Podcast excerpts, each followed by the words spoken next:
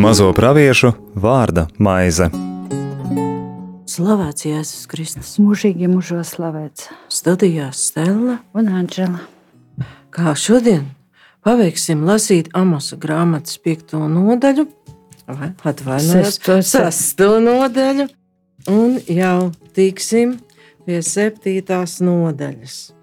Un tā sestā nodaļa ir tāda apjomīga, un daudz ko jau par to mēs uzzinājām iepriekšējā reizē, bet dažas lietas tomēr nepaspējām apskatīt, kur Amos runā par to postu, kāds piemeklēs šo tajā brīdī labi apgādāto un varano valsti. Jau iepriekš mēs sapratām, ka tāda kārtīga sociāla labturība šajā valstī attiecās tikai uz Jerabējām otro, viņa galmu un visiem, var teikt, bagātiem, turīgiem un iespaidīgiem cilvēkiem, bet nabaks tiek apspiest, un ka šie notikumi, kuri tuvojas, ir tieši šo noziegumu pret nabago, teikt, pret visu tautu sekas. Un jau iepriekš mēs nedaudz tam pieskārāmies, kā arī viens no tādiem lieliem rēkiem, ko Rāmasa muti kungs pārmet Izraēļa tautai, var teikt, tās galvgalām. Un galvgalā būt nenozīmē jau tikai, ka tev ir labi ienākumi, gods un cieņa. Tā ir arī atbildība, jo kā kādreiz teicis Livonijas ordeņa mestrs Walters von Plettenbergs, vara tā ir atbildība. Un Amasa teiktais liecina, ka Izraēļa varanie tajā laikā, kā tas notiek arī ilgus gadsimtus vēlākos laikos, un bija noticis arī iepriekš, ļoti labi atbild un rūpējas tieši par savu labklājību. Un kungs saka, man rievis jēkaba augstprātība, es ienīstu viņa lepnās pilis, un es nodošu pilsētu ienaidnieku rokās ar visu, kas tajā.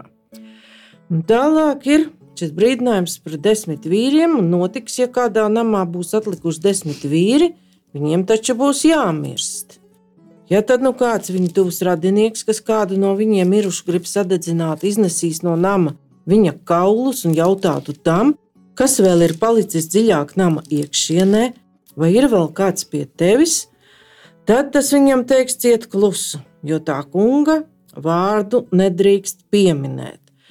Un šeit liekas, nu, desmit vīri, kā pat lūkšanas sapulcē pietiek. Bet ir pateikts, ka viņiem jāmirst. Un te nav minēts, ka no tiešas kara darbības un tālāk mirušo grib sadedzināt. Izradzētās tautas pārstāvji mirušos nededzināja. Tā nebija pieņemta prakse, un no teksta var secināt, ka arī tos atlikušos var ķert slimība, kāda sērga, kā mērs vai kāda cita nāvējoša slimība. Un tajā laikā epidemioloģiskos noteikumus saprata tā, ka šādā sērgā mirušos sadedzināja, lai infekcija neizplatītos tālāk. Tā kā arī tajā laikā jau ir bijuši epidemioloģiski noteikumi, dažkārt pat ļoti, ļoti bargi. Un ārā stāvošais atbild, jo tā kunga vārdu nedrīkst pieminēt, ka situācija ir tik briesmīga, apkārt ir mirušie, iespējams pat neapglābāti, un nav iespējas viņus apglabāt un pat aiznest līdz tai vietai, kur var sadedzināt, kunga vārdu nedrīkst pieminēt. Un kungs pavēla sagraut gan lielus namus, gan mazus tātad. Nu, galvas bezatbildības, valdošo bezatbildības tomēr cieš visi. Un arī šeit mēs varētu izlasīt no Lūkas evanģēlīja vārds priekš mums. Jēzus raud pa Jeruzalemi. Tas ir 19. nodaļa, 41. un 44. pants. Kad viņš pienāca tuvāk pilsētai, uzlūkojis to, viņš saka, raudāt, sacīdams, au, kā tu šodien būtu sapratusi, kas nes tev mieru, bet tas vēl ir apslēpts tavām acīm. Nāks dienas par tevi, kad tavi ienaidnieki cels ap tevi nocietā, cietinājumus. Tevi ielenks un spiedīsies uz tevi no visām pusēm. Tie notrieks tevi zemē un tavus bērnus, kas ir tevī. Un neatstās akmeni uz akmens, tādēļ, ka tu neapzinājies laiku, kad Dievs tevi apmeklēja. Paldies! Un kaut arī ir runa par diviem dažādiem notikumiem, bet tēma ir viena par dieva piemeklējumu pilsētām, kurās dzīvo izredzētā tauta. Jēzus raud par Jeruzalemi, ka tās iedzīvotāji nav atpazinuši viņu, iemiesoto vārdu, un runā par notikumiem, kas ir saistīti ar to, ka 70. gadā Romiešu karaspēks Tita vadībā ieņēma Jeruzalemi un to nolīdzināja ar zemi. Bet Amos tāpat kā Jēzus raud par savu tautu, jo šī ir Amosa raudu dziesma pa tautu, un pasaka to, kāpēc ir šāda situācija. Kas var ar zirgiem skriet pa klintīm un vēršiem marta klintis? Ko jūs? Ja jūs pārvēršat tiesu žultī un taisnības augļus vērmelēs, tas atkal ir norādījums uz kunga likumu sagrozīšanu, interpretēšanu pa savam vai pat ignorēšanu. Un šīs pie, sastās nodaļas noslēgums pasaka to, ka Izraēļa tajā laikā ļoti paļāvās uz savu militāro spēku un savu valsts varenības, jo jau iepriekš minēja, ka Jerobeām otrā laiks it kā Izrēlā bija ļoti labs un labklājīgs, bet, kā Amos nemita šeit atgādināt, tas bija labs un labklājīgs priekš neliela cilvēka slāņa, un viņš atgādina, jūs priecājaties par Lodabaras ieņemšanu un sakāt, vai mēs neesam ar savu pašu spēkiem vien ieņēmuši Karnaimu. Tāpēc redzi, saka tas kungs, Dievs, cevots, es celšu pret jums Izraēla nams, kādu tautu, kas jūs spaidīs no Hamatas ceļa līdz pat tūkstneša strautam. Un vēsturiski tie ir asīrieši. Tajā laikā viņi kļūst par ļoti varaniem lielākā militārā lielvara, un viņi šīs zemes ieņem. Arī šeit mēs varētu izlasīt, ko uh, Jerim, pravietis Jeremijs saka par Jeruzalemes bez, bezdievību. Piektajā nodaļā mēs varam lasīt Dievu vārdu. Kungs, vai tavas acis neredz patiesību? Tu viņus sit, bet tie nebīstas. Tu dari tiem galu, bet tie liedzas laboties. Cietāk par klinti nocietinājuši savas sejas, liedzas atgriezties. Paldies! Nu, atkal mēs redzam, ka tur ir runa par Jeruzalemi, bet Jeruzalemi kā izredzētās tautas simbolu mēs varam attiecināt arī uz eh, jebkuru citu vietu vai pilsētu. Un Amos šeit runā, ka izrēlieši lielās ar divu nenozīmīgu pilsētu ieņemšanu. Tās ir nesvarīgas pilsētas, ko iekaroja un izrunājot šis vārds Lodabāra simbolizē nekas. Tā tad lepošanās ar nenozīmīgu uzvaru. Kaut gan Jerobeāms II ir izrādās bijis tīri labs karotājs, par ko ir rakstīts 2. ķēniņa grāmatā, 14. pantā, un atjaunojis valsts robežas. Bet Amos ar saviem izteikumiem liek saprast, ka visa tā iekarošana un atjaunošana, ja ir atmests kunga likums, nenozīmē neko. Lodabārā minēta arī 2. samuēla grāmatā, 9. nodaļā, 4. 5. pantā, ko mēs nelasīsim, bet nu, par Jerabējām otro noslēdzot sestās nodaļas apskatu, varam tomēr palūkoties, kas rakstīts otrā ķēniņu grāmatā. Kā tad viņš tur ir labi karojis? Otrā ķēniņu grāmata, 14. nodaļa. 14, 25. Un viņš, tas ir runa ir par Jerabēmu, atjaunoja Izraēla robežas no ieejas uz Hamatu un līdz tūkstneša jūrai, kā tas kungs, Izraēla dievs, bija caur savu kalpu pravieti Jonu, Amitai dēlu, kas bija no Gata Heferas runājis. Un redzam, ka ķēniņa grāmatā ir minēta, ka šī robeža atjaunošana notiek līdz tai pašai tam uh, hamatai, līdz tūkstneša strautām. Tā tad viss, ko Jerabēns otrais bija iekarojis, un ar ko šī tauta, šīs tautas varanie un ķēniņš lepojās, tiks zaudēts.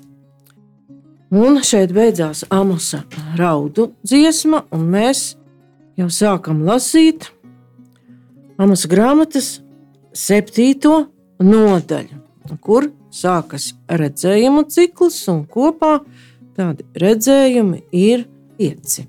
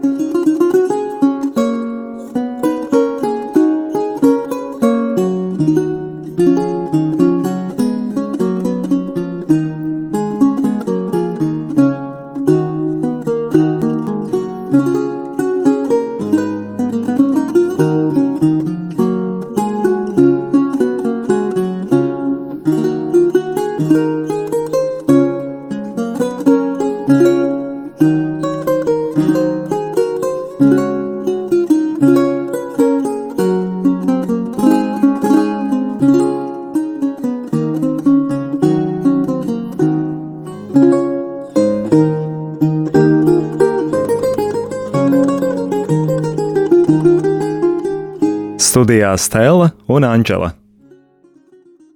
Varam lasīt pirmo, par pirmo parādību, kuru redz Amos. Tad visvarenais kungs ļāva man skatīt šādu parādību. Un redz, tur stāvēja kāds, kas laida siseņus pasaulē, kad sāk zaļot attēls. Šis attēls bija tas, gan bija jāizaug pēc pirmās ķēniņa pļaujas. Kad siseņi bija visā zemē zāli noēduši, es teicu, ak, kungs, kungs, esi žēlīgs. Kas gan palīdzēs Jēkabam pastāvēt, jo viņš pats jau tā ir niecīgs. Tam kungam kļuva notikušā žēl, un viņš teica, tas nenotiks. Kā Amos redz šo kunga atklāsmi, nav pateikts. Vai tas bija kāds iekšējs redzējums, vai viņš tieši kādā veidā redzēja, nav pateikts veids, kā. Bet te ir tāda, kā amos tiek pārnests it kā laikā uz priekšu, un viņam ir šī iespēja skatīt, kāds būs kunga lēmums par tautas grēkiem. Nu, kā varēja tas notikt? Jo tālāk mēs redzam, ka Amos ir ne tikai vienkārši pravietis, bet ko viņš dara. Viņš jau iepriekš ir runājis uz tautu. Tauta ir nekāda. Valdītāji grēkos krituši, apspiež nabagos. Bet Amos tomēr aizlūdz pie dieva par šo tautu. Viņš pasaka kungam, kas kad Jēkabs ir vājš, kas tad notiks? Ja notiks tāds liels posts, kas palīdzēs Jēkabam pastāvēt, un redzam, ka kungs apsola, ka viņš to nedarīs. Kungam kļuva notikušā žēl. Atkal ir tā mistērija ar laiku, jo Amos tomēr runā par to, redz to, kas notiks uz priekšu par šiem eh, tālākiem laikiem. Nu, te ir jāatcerās, ka pie dieva lineārais laiks nepastāv. Un kādreiz arī debusi Jeruzalemē lineārais laiks nepastāvēs, jo, kā jau teikts, atklāsmes grāmatas desmitajā nodaļā, laika vairs nebūs. Un tur Amos runā par siseņiem. Kāds laida siseņus pasaulē? Un krievu valodā, ja es atceros, bija citādi. Krieviski un sozdala kāds laida, bet šeit ka viņš rada šīs radības, sīkās, kas dodas postīt otru attālu. Un te dara neliels, varētu teikt, zooloģiskais ieskats, kas tie siseņi tādi ir. Un arī mūsdienās viņi nekur nav palikuši. Dažkārt ir Dienvidu zemēs iedzīvotāji no viņiem cieš, jo visa pārtika labība tiek noēsta pa tīro. Zālēdāji kukaiņi parasti dzīvo vieni, bet var rasties apstākļi, ka viņi savairojas daudz, un tad viņi kļūst par bara plēsoņu. Un šeit ar vārdiem kāds laida, jeb ons sazdala. Krievu tulkojums atkal iznāk precīzāk.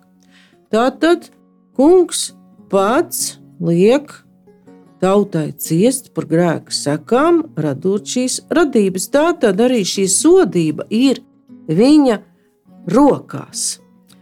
Bīstamākie ir tūkstneša siseņi. Nu, tāds kukainis, 6 līdz 8 cm garš. Viņš tūkstnesī ēd. Nu, viņš nē, tūkstnesī viņš. Tā tiek saukta šī suga. Viņš nāk un noēdīs, ko tu gribēji ēst. Dienā apēd, nu kā domā, cik daudz? Cik pats sver? Cik pats sver? Nu, tas apmēram 2 gramu. Lielā spietā var būt miljardiem kukaiņu. Vidēji liels spiedz, nu viņi tā kā mēs domājam, bišu spiedz, bet tas ir maziņš spietiņš. Tālāk mēs redzēsim arī, cik liels tas spiedz var būt. Dienā var iznīcināt tur miljardiem kukaiņu, un vidēji liels spiedz. Dienā var iznīcināt labību, ar ko gadu var pabarot ap 2500 cilvēku. Un tā tad tāda darbība. Tas darbības spēja ir šiem kukaiņiem, ja viņu ir daudz. Vidēji dzīvo 5 mēnešus un migrē, izmantojot vēju, var migrēt 5 līdz 130 km dienā. Un šis diezgan labs apskats par siseni, kāds viņš ir un kā viņš darbojas un ko spēja noēst, ir bijis rakstā portālā Diena LV par notikumiem netik seniem. 2020. gada februāris, tad pasaulē jau sācies arī Covid, un tas bija raksts par siseņu invāziju Austrumāfrikā. Un vēl 2019. gada decembrī Kenijā viens spiedz ir sasniedzis pat 2400 km2 platību. Tātad arī šodien šādi siseņu uzbrukumi ir. Un kā redzam, viņi var darboties ļoti iespaidīgi, un cilvēks ar šādu spietu, kas nāk kā mākonis, pārklāj daudzus kilometrus un visu tur apēd, cilvēks pret to ir bezspēcīgs. Un, ja tas vēl ir kopā ar kādu epidēmiju, nu, mūsdienās tas ir Covid, bija pieminēts arī, ka vienā Indijas daļā ir bijis izseņu uzbrukums, tad varam saprast, pie kā tas noved - pie bada.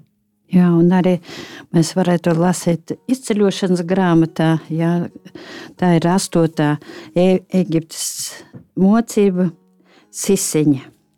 Un e, šeit desmitajā nodaļā varam izlasīt dieva vārdu, un kungs teica mūzum: izstiep savu roku par Eģiptes zemi, lai par Eģiptes zemi nāk siseņa, un aprī ik lauka zāli visu, kas palicis pāri pēc krusas. Siseņa nāca par visu Eģiptes zemi un apsēda pilnīgi visas Eģiptes robežas. Pirms tiem vēl nebija bijis tādu siseņu kā šie, un arī pēc tiem tādu vairs nekad nebija. Tie apklāja zemes virsmu, zemes satumsa, un tie aprija ik lauka zāli un visus kokus augļus, kas bija atlikuši pēc krusas. Visa Eģiptes zeme nepalika ne visā Eģiptes zemē nepalika ne zaļuma kokā, ne zāles uz lauka. Tad faraons steidza saukt mūzu un āronu saci: Es esmu grēkojis pret kungu, jūsu dievu un pret jums. Un, un nu, vēl tikai šoreiz piedodiet manu grēku, izlūdzieties kungam, jūsu dievam, lai noņem manis šo nāvi, no manis šo nāvi. Paldies!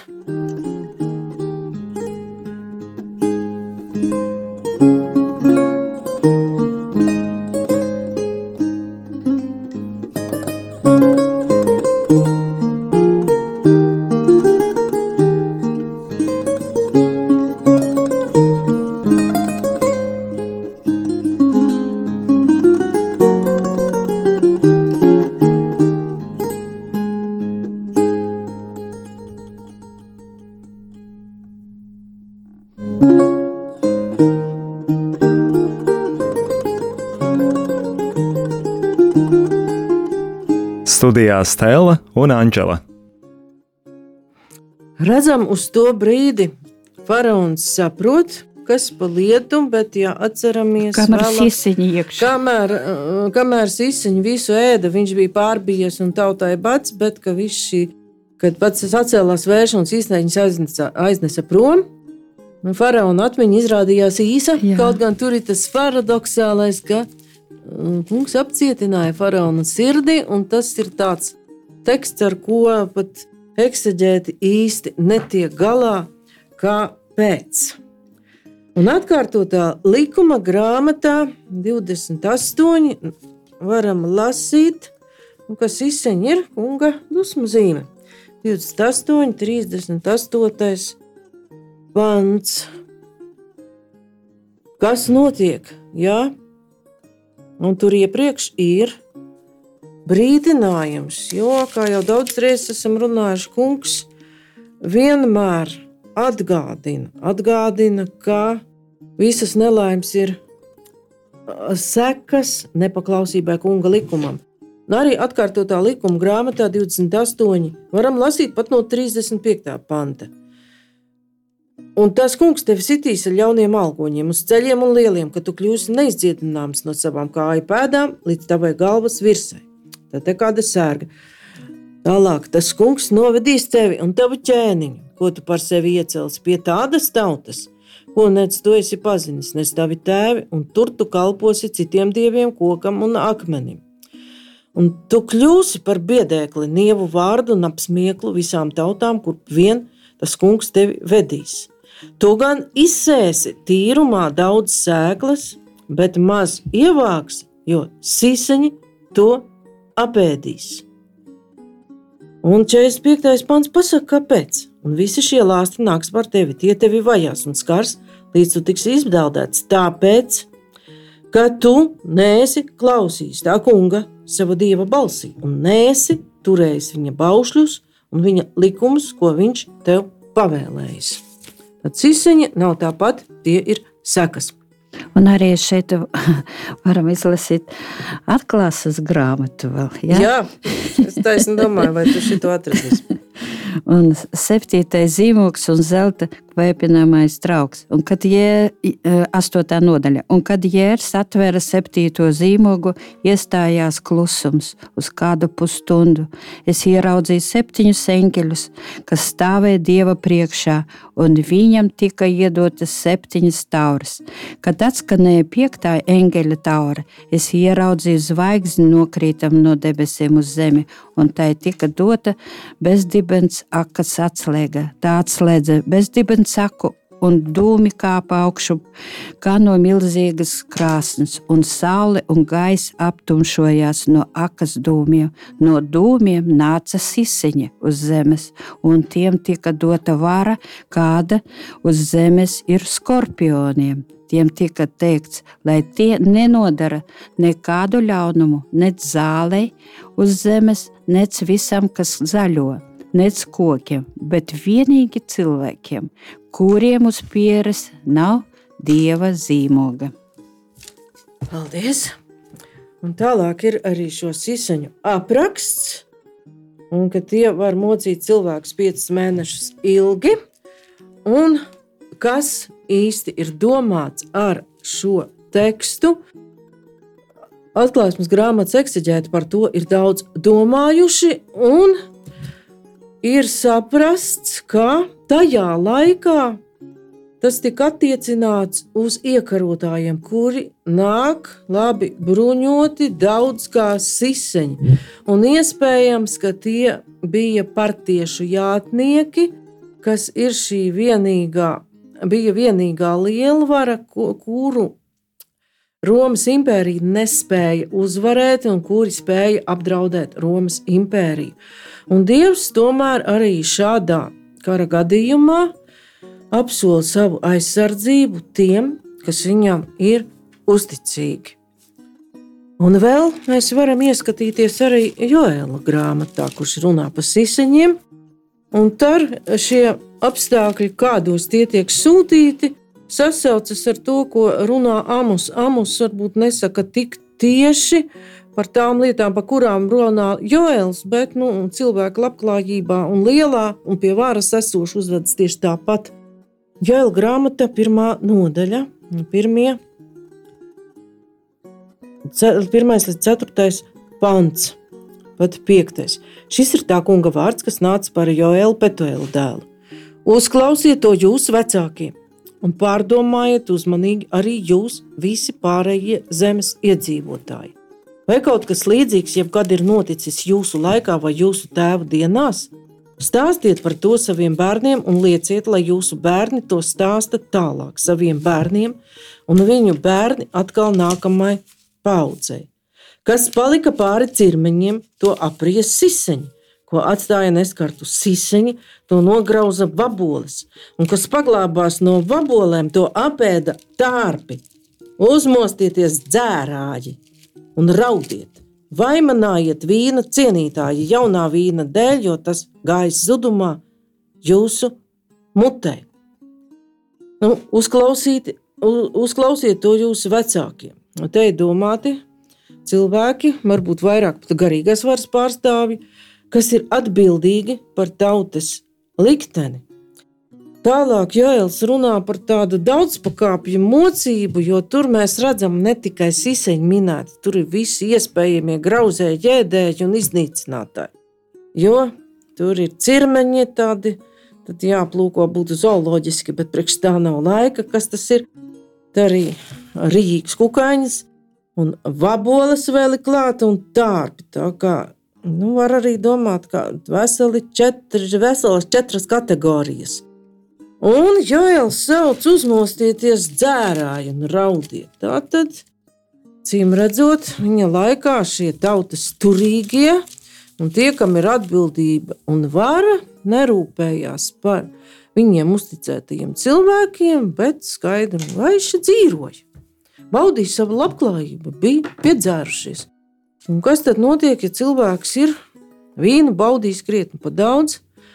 Viņš nespēja objektīvi novērtēt situāciju. Un nu, nav spējīgs atbildīgi rīkoties. Laikam šeit ir domāts arī visas tās negatīvas mūsu atkarības, jā, varbūt, kuras piemīt da daudziem cilvēkiem, jā, un tas ir. Var būt atkarīgs arī no tajā laikā galvenā, varētu teikt, narkotikā viela bija vīns, jo nezināja jau citus, citas apreibinošas vielas, tikpat labi tā var būt narkotika, tā var būt interneta atkarība un varbūt atkarība arī no mantas un varas. Nu, No Jā. tās apreibs tikpat labi kā no vīna. un tāpēc mēs, eh, kad un no naudas, jā, un tad, kad mēs kalpojam citiem dieviem, jā, tad, tad Jo pakļaujoties naudas vilinājumam, nu, cilvēks sāk kalpot tam dievam, kurš simbols ir ļoti skaidri redzams jau izceļošanas grāmatā, jo kā mūzis uzkāpja kalnā, un ko Izraēļa dara, viņi danco ap zelta teļu. Jo tas viņus izvedis no Eģiptes. Jo mēs dažkārt arī domājam, ka finanses, labklājība izved no visām nepatikšanām. It kā tieši tagad arī kāda uh, Eiropas nauda mūs izvedīs no tām nepatikšanām, kas pat labāk mums ir. Drīzāk mums ir jādomā, kāpēc tās ir un kādas ir mūsu attiecības ar kunga likumu. Bet šeit visur uh, pateikts, ka arī Dievs tomēr apžēlojās par tautu.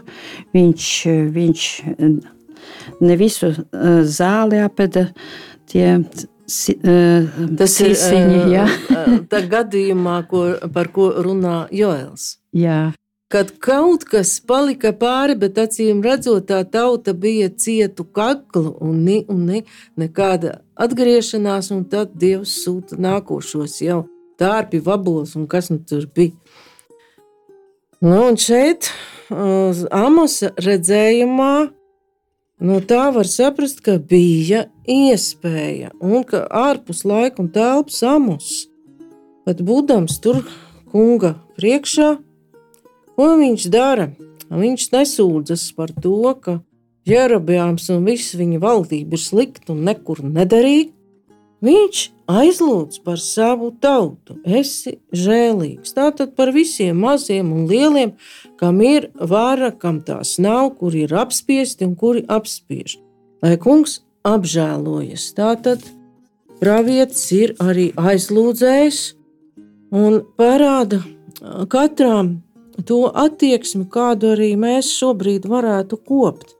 Attiecībā pret tiem, kuri šobrīd ir spiesti lemt daudzas lietas un pieņemt arī lēmumus, kuri pat nu, dažkārt šķiet nepārāk loģiski. Mums nepatīk uzdot šo jautājumu, vai mēs tikai lamājam šos valsts vīrus, vai arī aizlūdzam par viņiem, lai tas kungs viņiem, kā saulēcīgam salamanam, dod gudru sirdi un prātu izšķirt lietas. Tad caur šo amosa aizlūgumu mēs varam uzdot sev arī šādu jautājumu.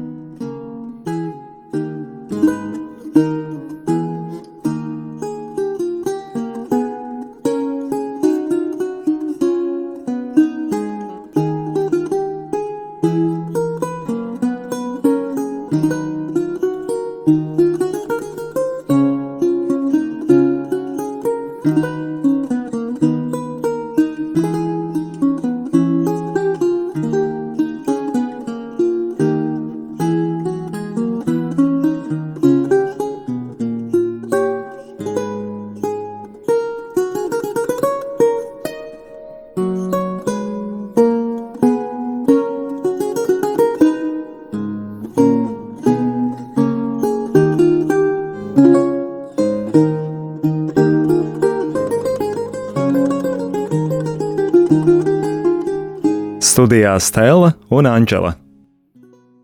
Un varam atcerēties, ka lūgums par tautu, par citiem cilvēkiem, par cilvēkiem, kas dzīvo grēka dzīvi. Svētajos rakstos nav sastopams pirmo reizi, jo bija vēl kāds, kas tā darīja. Kā Amos ir atcerējies, kāda Mūzes. Sadara. Mūzes lūdz par tautu. Jā, Un vēl ir kāds, nu, vēl kāds, un man ienāca prātā vīrs, kas ar Dievu pat tirgojās un kaulējās. Abrahams. Jēkabs. Arī šoreiz kaut kā prātā iekrita Abrahams. Jā, kad neiznīcina tas. Ja tur ja būs tur kaut pāris Jā, jā. taisnie. Un ka viņš to skaitu tur samazina un samazina. Un mēģināšu pat atrast. Mm. -hmm. Un kā viņš lūdz, ka ja tur atradīsies kaut cik tur taisni, lūdz par Sodomu, jā, taisni arī atradu. Un Ābrahāms lūdz par Sodomu un Gomoru, jo tās tautas iznīcināja sēra, sēra lietas, jā, atceramies, kad viņas aizgāja bojā. Un Ābrahāms stāvēja kunga, kunga priekšā. Ja mēs lasām 18. nodaļā, radīšanas grāmatā, 23. pantā un tālāk.